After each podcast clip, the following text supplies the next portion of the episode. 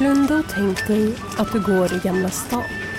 Du tar dig in genom de snirkliga gränderna. Och så tänk bort alla turister och lukten av våfflor. För nu ska vi röra oss till 1500-talet. En tid då äktenskap och yrkesliv är ett. Att vara gift, vad som har ett familjeföretag.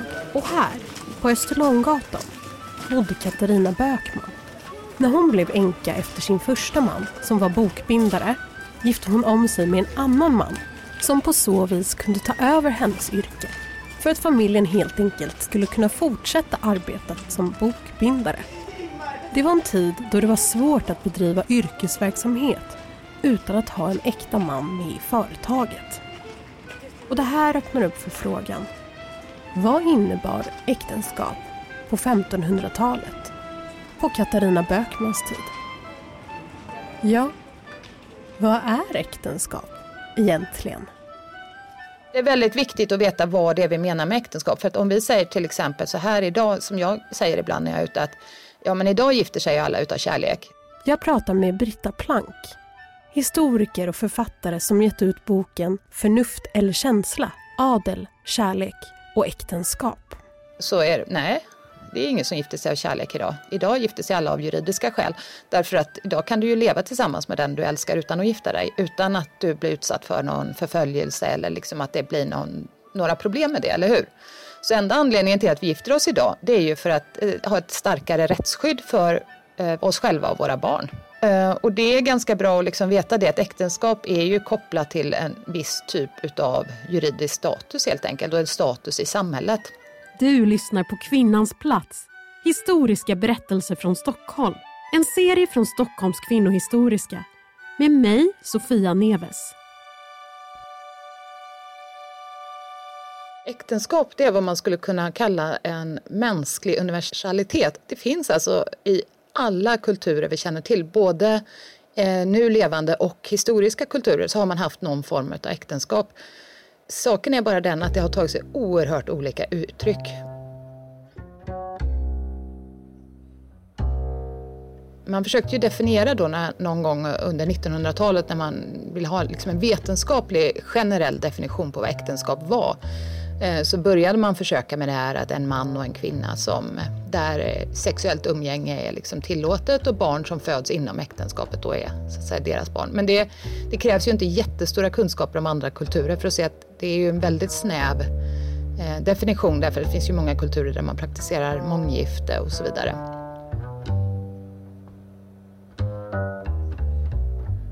Men vad man kom fram till till slut det var väl att äktenskap oftast innefattar tre stycken eh, eh, ingredienser kan man säga. Eller, och det är dels då att det är en kontroll av sexuell reproduktion på det sättet att barn som liksom föds inom äktenskapet då är äkta så att säga. Eh, sen handlar det också om egendomsöverföring och överföring av social status. Och en tredje aspekt då är att det handlar om släktskap därför att att gifta sig är ju egentligen det enda sättet vi kan få nya släktingar.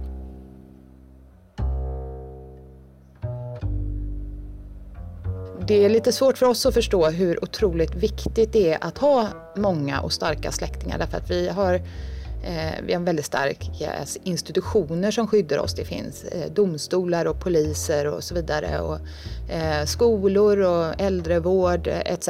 Så att, eh, men i ett samhälle där ingenting av det här finns och någon begår ett brott mot mig, då är det ju huruvida jag har en stor stark släkt som jag kan så att säga få mitt brott hämnat och så. Så det är vad vi skulle kunna kalla klankultur då helt enkelt. Okej, så snarare än kanske polis och Ja, har man inte det så vad gör man då?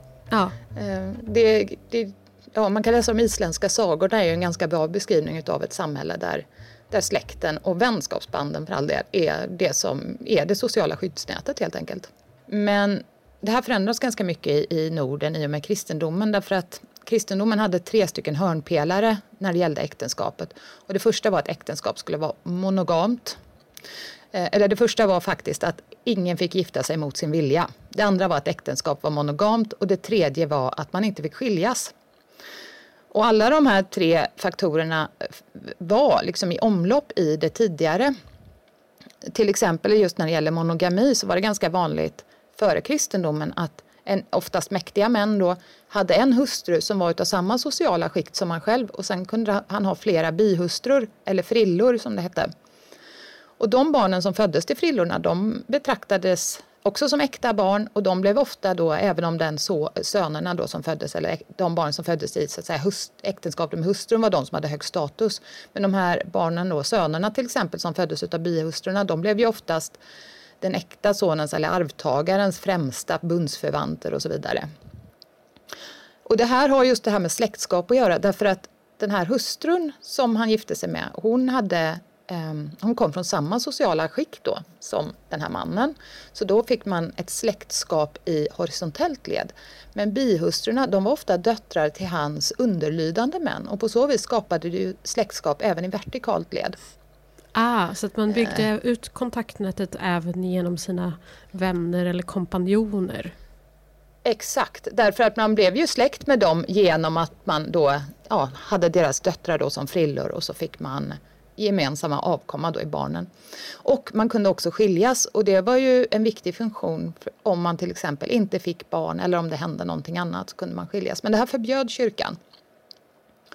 Eh, och det här var någonting och som många kvinnor tyckte naturligtvis var bra då det här att man inte fick giftas bort mot sin vilja, man fick inte praktisera tvångsäktenskap och monogami uppskattades också, liksom skilsmässa, vilket kan låta lite konstigt för oss då men vi får ju tänka att eh, en hustru som tvingades till skilsmässa. Hon kastades ju kanske ut eh, utan någonting. Då. Så att innan Sverige kristnades då, då kunde männen kasta sina fruar och frillor? Eller ja, man kunde skiljas. Ja, precis. man kunde skiljas. Mm. Mm. Men liksom, det var ju fel inför Gud att leva tillsammans med någon och inte vara gift. Och det var ganska ångestfyllt för människor framförallt så är det så svårt för oss att förstå det här att det var liksom en synd som man internaliserade, att man mådde dåligt själv. Det var inte så att man liksom, äh, vadå, det är ingen, det folk inte vet, vet mår de inte dåligt av, utan det var man själv som mådde dåligt därför att att förbryta sig mot Gud var liksom som det som är skamfyllt för oss idag.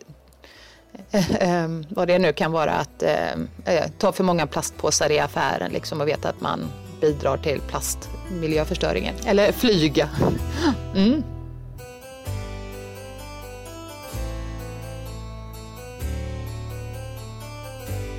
Vad, vad, liksom, vad är skillnaden mellan att gifta sig idag och på Katarina Bökmans tid?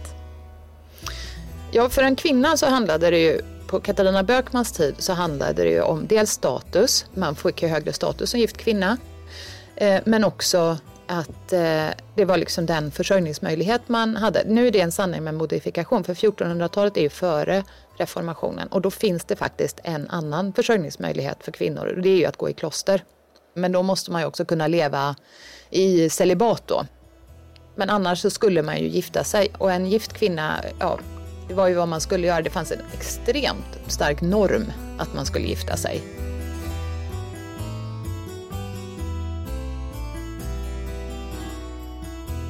när vi tittar lite på, på förr så kan vi tänka så här att oj, oj, oj, kvinnorna hade liksom inget inflytande och så vidare därför att eh, det var ju så att det var man, männen som var myndiga. Men det är ju för att vi har en ganska stark syn på individen. Eh, utan snarare var det ju så här att eh, mannen var liksom eh, familjens chef eller vad man ska säga och det är kanske chefen man ser utåt men det gör ju inte att inte alla i företaget har lika viktiga positioner. Och som hustru så hade man en väldigt viktig position i familjeföretaget. Det var ju inte så här att, att man var hemmafru. Det liksom existerade i ungefär tio år på 50-talet som någon sorts allmän eh, förekommande norm. Men kvinnor har ju alltid arbetat. Och man arbetade i det gemensamma företaget. Det är lite spännande för här kan man också säga att det är, kvinnor hade ju också den funktionen att man förmedlade makt och egendom mellan män. Och då fick man ju också en viktig position. Om man säger att man till exempel var dotter till en hantverkare. Och det är lite roligt för inom borgarskrovet kunde man ibland höra sånt som att, Ehm, en, eh, att det var, man satsade liksom mer på att gifta bort dottern bra. Därför att en son kan man inte välja men en svärson kan man ju alltid hitta en riktigt, riktigt bra. Och då kanske man satsade istället på, på en bra svärson då och liksom lämna över företaget till. Så där hade ju då kvinnan inom borgarståndet en väldigt viktig funktion som förmedlare helt enkelt utav då verksamheten. Men sen ska man ju vara medveten om att hon arbetade ju också i verksamheten. Man bodde ju och arbetade på samma ställe. Så låt säga att eh, jag ska gifta bort min dotter. Då mm. vill jag välja någon som är väldigt bra på att eh, lästa skor till exempel. Om jag är ja. skomakare. Då Precis. försöker jag göra min research för att hitta den perfekta skomakaren. Mm. Och sen kommer det här då väldigt intressanta, kommer du ihåg det här tredje eh, så, hörnstenen med kristendomen? Eh, ja, mm. det var man får inte skilja sig. Nej, men det fanns en ännu viktigare, den som jag kom först. Ah, man får inte giftas bort mot sin vilja. Exakt. Och det är ju också ganska viktigt att hålla i minne. Så att när vi pratar om det här gifta bort sin dotter så måste vi se det också som att hon har en hel del agens där. Hon kan ju säga nej. Så det gäller ju att hitta någon som både liksom föräldrarna och dottern då tycker är bra. Och det fungerade i realiteten också. Det var inte bara någon så fin... Fast det här ska vi, tycker jag är en sån här sak. Alltså nu ska vi fundera över. Det här är alltså någonting som eh, Gud säger. Och så ska vi vara medvetna om att folk då har väldigt stor respekt för det här. Eh, så att, eh, men å andra sidan så kan man ju också tänka sig att övertala någon. Men att det var viktigt det här att markera att det ingicks frivilligt. Och det står också väldigt tydligt i när Sverige får sin första lag, då, riktiga omfattande lag 1734 så är det en, också oerhört viktigt inskrivet där i och det kommer även i de, de sena landskapslagarna. Så det här är liksom en viktig grej. Och när vi då säger så här, ja men var det någonting man liksom brydde sig om? Ja. Varför skulle man inte göra det? Alltså, vi har liksom den här bilden utav för att eh, unga flickor tvingades in i äktenskap utav sina fäder. Men det är någon sorts eh, populärkulturell bild som förmedlas till oss hela tiden som behöver på många sätt faktiskt nyanseras. Därför att dels så hade hon agens och dels så ska vi, ska vi också tänka på att mödrarna hade en oerhört viktig eh, position i den här äktenskapsförhandlingen. För det var ju så här, om vi tar till exempel Sverige, så var det ju så här att eh, alla barn ärvde, både söner och döttrar. Eh, och när det gällde alla stånd utom borgarståndet så ärvde sönerna dubbelt så mycket som döttrarna. Så hade man en son och en dotter så ärvde han två tredjedelar och hon en tredjedel. Men inom borgarståndet då ärvde barnen lika. Alltså döttrar och söner ärvde lika mycket. Och det här är lite på grund av det jag sa förut, det här att man kan inte välja sin son men man kan välja sin svärson. Och det här innebar då att hon hade ju med sig ett arv in i äktenskapet och sen skulle då den hon gifte sig med, han skulle kontra det här med en lika stor morgongåva. Så hon skulle få en gåva tillbaka och den här morgongåvan då, som var lika stor som hennes arv som hon ofta fick i hemgift, eh, den var hennes. Så att var det så att han dog före henne, då var det hennes änkepension. Mm. Och det här var viktiga förhandlingar. Det här var kanske den viktigaste ekonomiska transaktionen man gjorde i hela sitt liv. Det var när man gifte sig. Så det här var jätteviktiga förhandlingar. Så är man hade en advokat med och det här skulle skrivas upp och det här finns liksom med i kyrkböckerna hur stor, hemgift, eller hur stor morgongåvan är och så vidare. Och då kan man liksom spara hemgift och så vidare.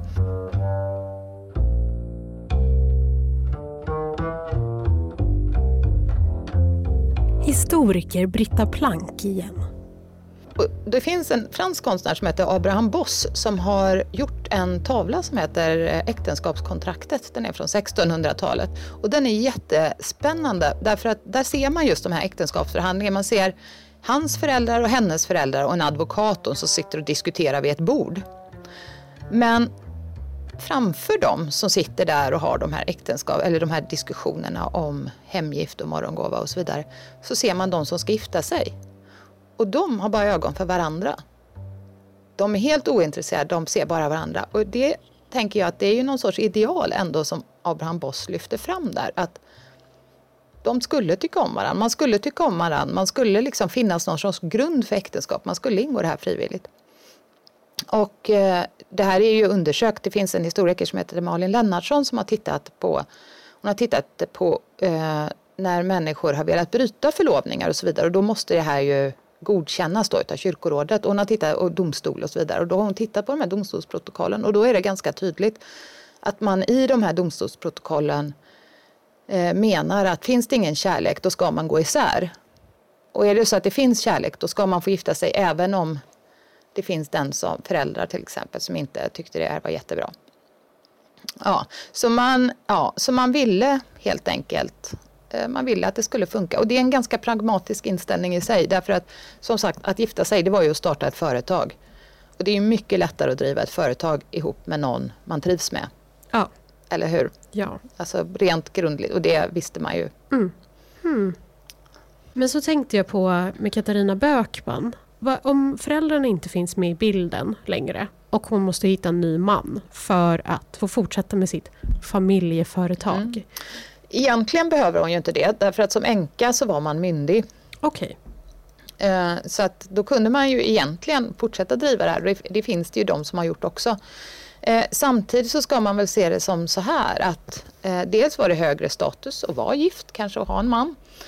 Sen kanske hon inte besatt de kunskaper som behövdes för att binda de här böckerna och behövde en ny kunskap och sen kan man ju också ja, bli kär. Ja, och då fick hon själv välja sin make. Ja. ja för att hon var myndig. Ja. Men då kan man säga så här att även om hon hade större inflytande så hade föräldrarna mycket att säga till om. Helt enkelt därför att man var ju inpräntad att lyda sina föräldrar. Eh, och det här är jättetydligt. Man kan ta ett exempel. Johan Oxenstierna som var son till Axel Oxenstierna på 1600-talet. Han var enkling, han var 35 år och han ville gifta om sig med en kvinna som hette Margareta Brahe. Och hon var 40 år. Och Axel eh, och hon hade också varit gift innan. Axel han ville inte det här, alltså pappa Axel då, därför att hon var för gammal, hon skulle ju inte kunna föda några barn. Och han, eh, Johan han skrev vad han ville gifta sig med Margareta, det var henne han ville ha, han ville inte ha någon annan. Och han är alltså 35 år och enkling vid det här laget och eh, alltså framgångsrik eh, karriärmänniska. Eh, han höll på ett år att övertala sin far att få gifta sig med sin Margareta innan pappa går med på detta.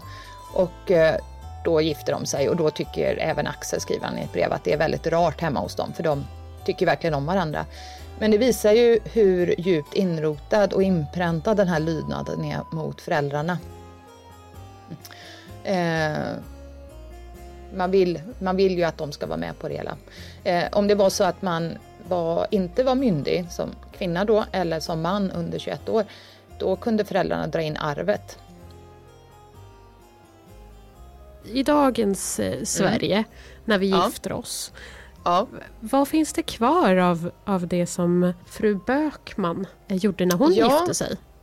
Ja, det är lite spännande för att eh, jag är till exempel inte säker på att hon gifte sig i kyrkan. Om hon gifte sig, för att det var ju så här att det var, jag är inte ens säker på att hon gifte sig, för ofta var det ju trolovningen då som räknades som det egentliga. Vigseln var kanske mer någon bara bekräftelse. Mm. Eh, så vi har ju kvar förlovning. Som var det viktigaste förr. Mm. Men som idag kanske är mer lite föregångare så. Eh, men vad som är kvar är väl detta att vi fortfarande anser att alla ska gifta sig av fri vilja. Mm. Att man inte får tvinga någon till äktenskap. Det är ju viktigt för oss också.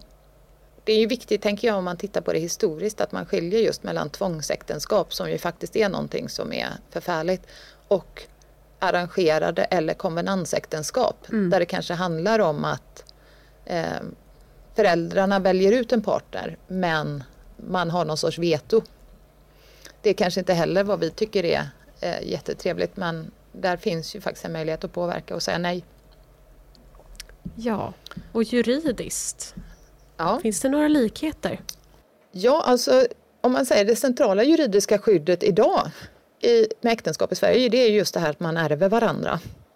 Och det gjorde man ju inte då på 1400-talet. Det är ju spännande för det här kan man ju följa med till, tillbaka till med till runstenar. Just från 1300-talet finns ju ett sånt här exempel då.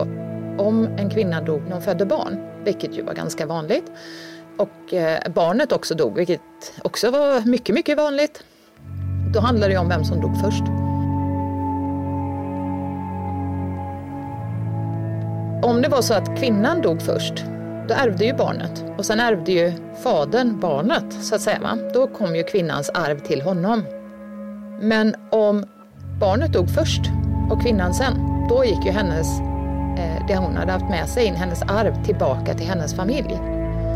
Så det här var ju oerhört viktigt juridiskt att avgöra vem som dog först och då berättas det bland annat då om en storman på 1300-talet som heter Bo Jonsson Grip.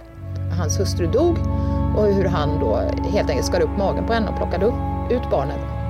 Just för att det skulle liksom hinna typ andas så att han kunde ärva barnet. Men detta kan då också vara en propagandahistoria utav hans fiender givetvis. Det kan, man kan förhålla sig lite källkritiskt till berättelsen men det visar just det här eh, hur arv, arvsgången gick.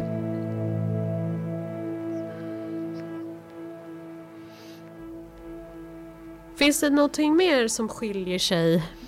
Ja, att vi kan skilja oss idag är ju en viktig aspekt naturligtvis. För det kunde inte fru Bökman.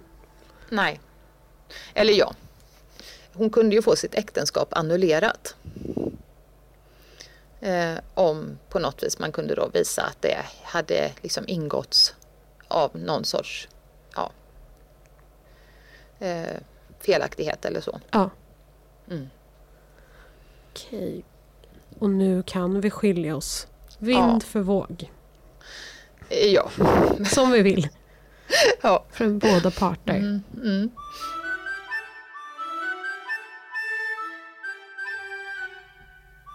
Finns det någonting som du tycker var bättre på fru Bökmans tid? Alltså jag måste ju säga så här, som historiker så är man ju väldigt anti att det var bättre förr. Ja. Ja. Ehm, så att jag tror att vi nog på väldigt många sätt ska vara glada att vi lever nu. Mm. Jag tror inte fru Bökman hade så, så våldsamt stora möjligheter att, att ändå välja över hur hon ville tillbringa sitt liv. Utan det var nog bokbinderiet och att hitta en, en man som kunde hjälpa henne i bokbinderiet som var liksom den, de möjligheter hon hade.